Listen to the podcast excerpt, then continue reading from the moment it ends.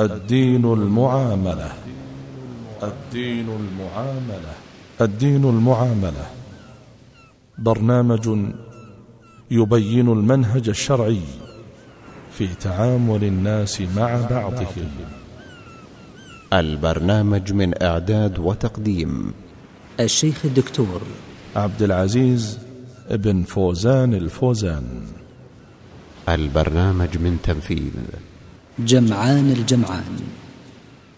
بسم الله الرحمن الرحيم. الحمد لله رب العالمين والصلاة والسلام على عبده ورسوله نبينا محمد وعلى آله وصحبه أجمعين.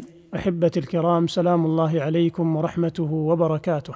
لا يزال حديثنا موصولا عن مراتب حق الجار.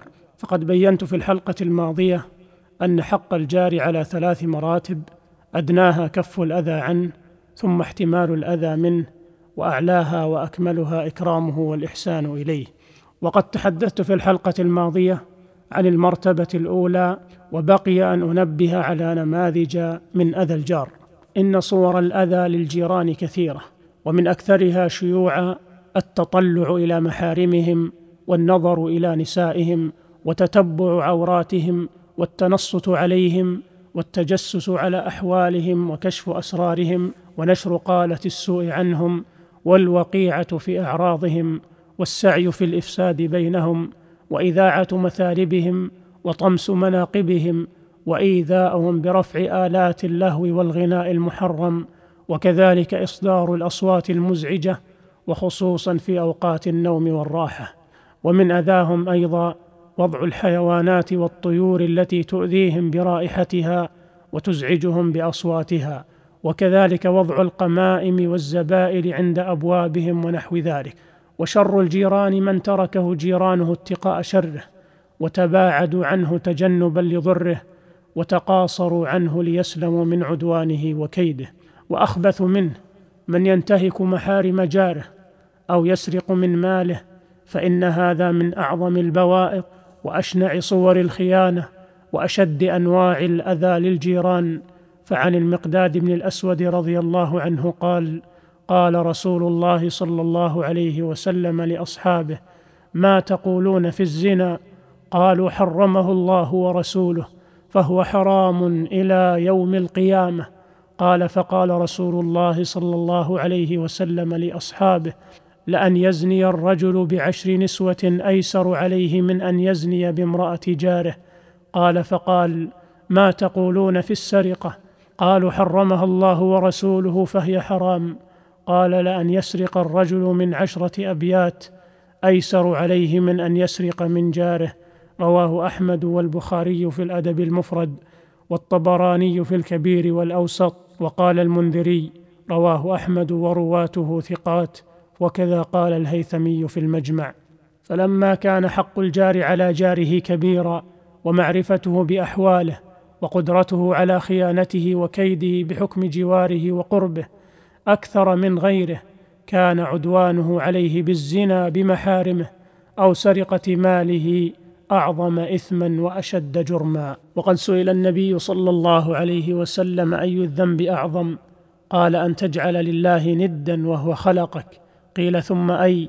قال أن تقتل ولدك مخافة أن يطعم معك. قيل ثم أي؟ قال أن تزاني حليلة جارك رواه البخاري ومسلم.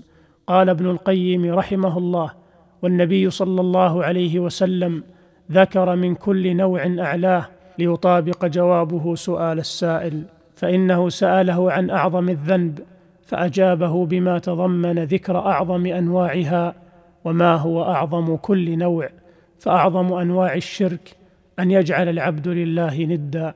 وأعظم أنواع القتل أن يقتل ولده خشية أن يشاركه في طعامه وشرابه وأعظم أنواع الزنا أن يزني بحليلة جاره. فإن مفسدة الزنا تتضاعف بتضاعف ما انتهكه من الحق فالزنا بالمرأة التي لها زوج أعظم اثما وعقوبة من التي لا زوج لها إذ فيه انتهاك حرمة الزوج وإفساد فراشه وتعليق نسب عليه لم يكن منه. وغير ذلك من أنواع أذاه فهو أعظم اثما وجرما من الزنا بغير ذات البعل. فالزنا بمئة امرأة لا زوج لها أيسر عند الله من الزنا بامرأة لها زوج. فإن كان زوجها جارا لهم ضاف إلى ذلك سوء الجوار وأذى جاره بأعلى أنواع الأذى وذلك من أعظم البوائق. انتهى كلامه رحمه الله.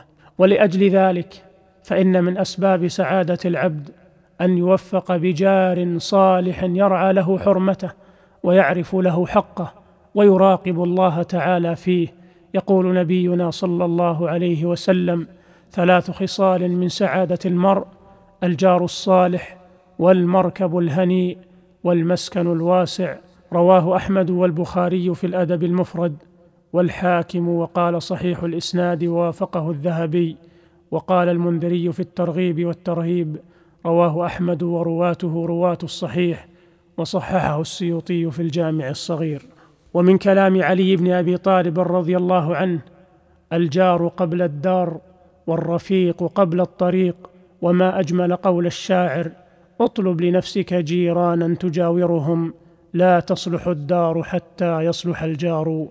وقال آخر يلومونني أن بعت بالرخص منزلي ولم يعلموا جارا هناك ينغص فقلت لهم كفوا الملام فإنما بجيرانها تغلو الديار وترخص. وقال بعضهم كدر العيش في ثلاث الجار السوء والولد العاق والمرأة السيئة الخلق. وقد كان النبي صلى الله عليه وسلم يقول في دعائه اللهم إني أعوذ بك من جار السوء في دار المقامة فإن جار البادية يتحول رواه ابن حبان وأبو يعلى وابن أبي شيبة والحاكم وصححه ووافقه الذهبي وحسنه الألباني.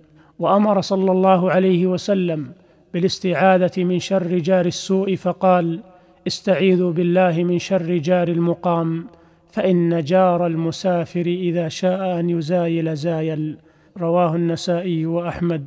والبيهقي في السنن الكبرى والحاكم وصححه ووافقه الذهبي وصححه الألباني. وأما المرتبة الثانية من مراتب حق الجار فهي احتمال الأذى منه والتغاضي عنه والتغافل عن زلاته. عن عثمان بن زائدة قال العافية عشرة أجزاء تسعة منها في التغافل فحدث بذلك الإمام أحمد بن حنبل فقال بل العافية عشرة أجزاء كلها في التغافل.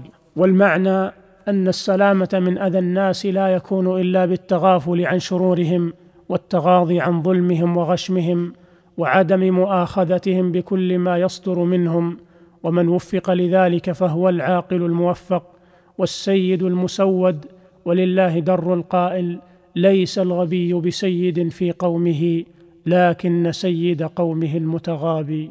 وقال الحسن البصري رحمه الله ليس حسن الجوار كف الأذى عن الجار ولكن حسن الجوار الصبر على الأذى من الجار. وقد وصف الله المتقين بأنهم يكظمون الغيظ ويعفون عن الناس ويحسنون إليهم بالصفح عنهم والتسامح معهم فقال سبحانه والكاظمين الغيظ والعافين عن الناس والله يحب المحسنين. وأمر بالعدل والإحسان فقال إن الله يأمر بالعدل والإحسان. والعدل هو أن يستوفي الإنسان حقه كاملا ويؤدي ما عليه كاملا. وأما الإحسان فهو أعلى منه وأعظم وهو أن يتنازل عن حقه أو عن شيء منه ويؤدي أكثر مما يجب عليه. والنصوص الشرعية في الحث على العفو والتجاوز والإصلاح والتسامح والإحسان كثيرة جدا.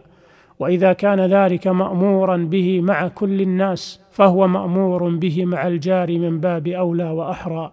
وقد روي عن النبي صلى الله عليه وسلم أنه قال إن الله عز وجل يحب ثلاثة وذكر منهم رجل له جار سوء فهو يؤذيه ويصبر على أذاه فيكفيه الله إياه.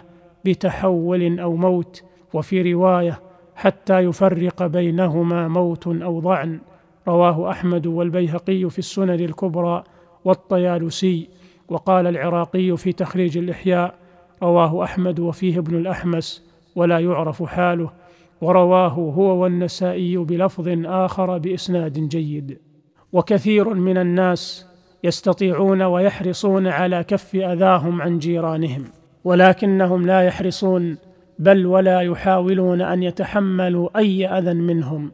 ولو كان صادرا عن طريق الزلل والخطأ فتجدهم متحفزين جاهزين لأدنى إثارة فيردون الصاع صاعين والكلمة بعشر ويجعلون من الصغير كبيرا ومن القليل كثيرا ومن الحقير شيئا خطيرا ويصنعون من الحبة قبة فتنشأ بينهم وبين جيرانهم مشاكل كبيرة وخلافات كثيرة وعداوات لا تنتهي وربما كان منشأها من أمور تافهة حقيرة. وينسون قول الله عز وجل وقل لعبادي يقول التي هي أحسن إن الشيطان ينزغ بينهم إن الشيطان كان للإنسان عدوا مبينا ولو أنهم وطنوا أنفسهم على تحمل الأذى ودمح الزلات وغض الطرف عن الهفوات وطلب المعاذير وحمل ما يصدر عن الجيران على أحسن المحامل واحتساب الأجر عند الله تعالى في العفو والمسامحة لما وصلت بهم الحال إلى ما ذكرت. وكم نشأت نزاعات عريضة بين بعض الجيران بسبب الاختلاف بين أطفالهم وهو أمر لا يستغرب وجوده عادة بين الأطفال. ولو كان لدى آبائهم شيء من الحكمة والسماحة ومعرفة حق الجار لما ظهرت هذه الخلافات بينهم ولامكنهم تجاهلها أو دفنها في مهدها. وأما المرتبة الثالثة من حقوق الجار فهي إكرام الجار والإحسان إليه وهذا ما سأبينه في الحلقة القادمة بإذن الله. فإلى ذلكم اللقاء. أستودعكم الله الذي لا تضيع ودائعه. والسلام عليكم ورحمة الله وبركاته.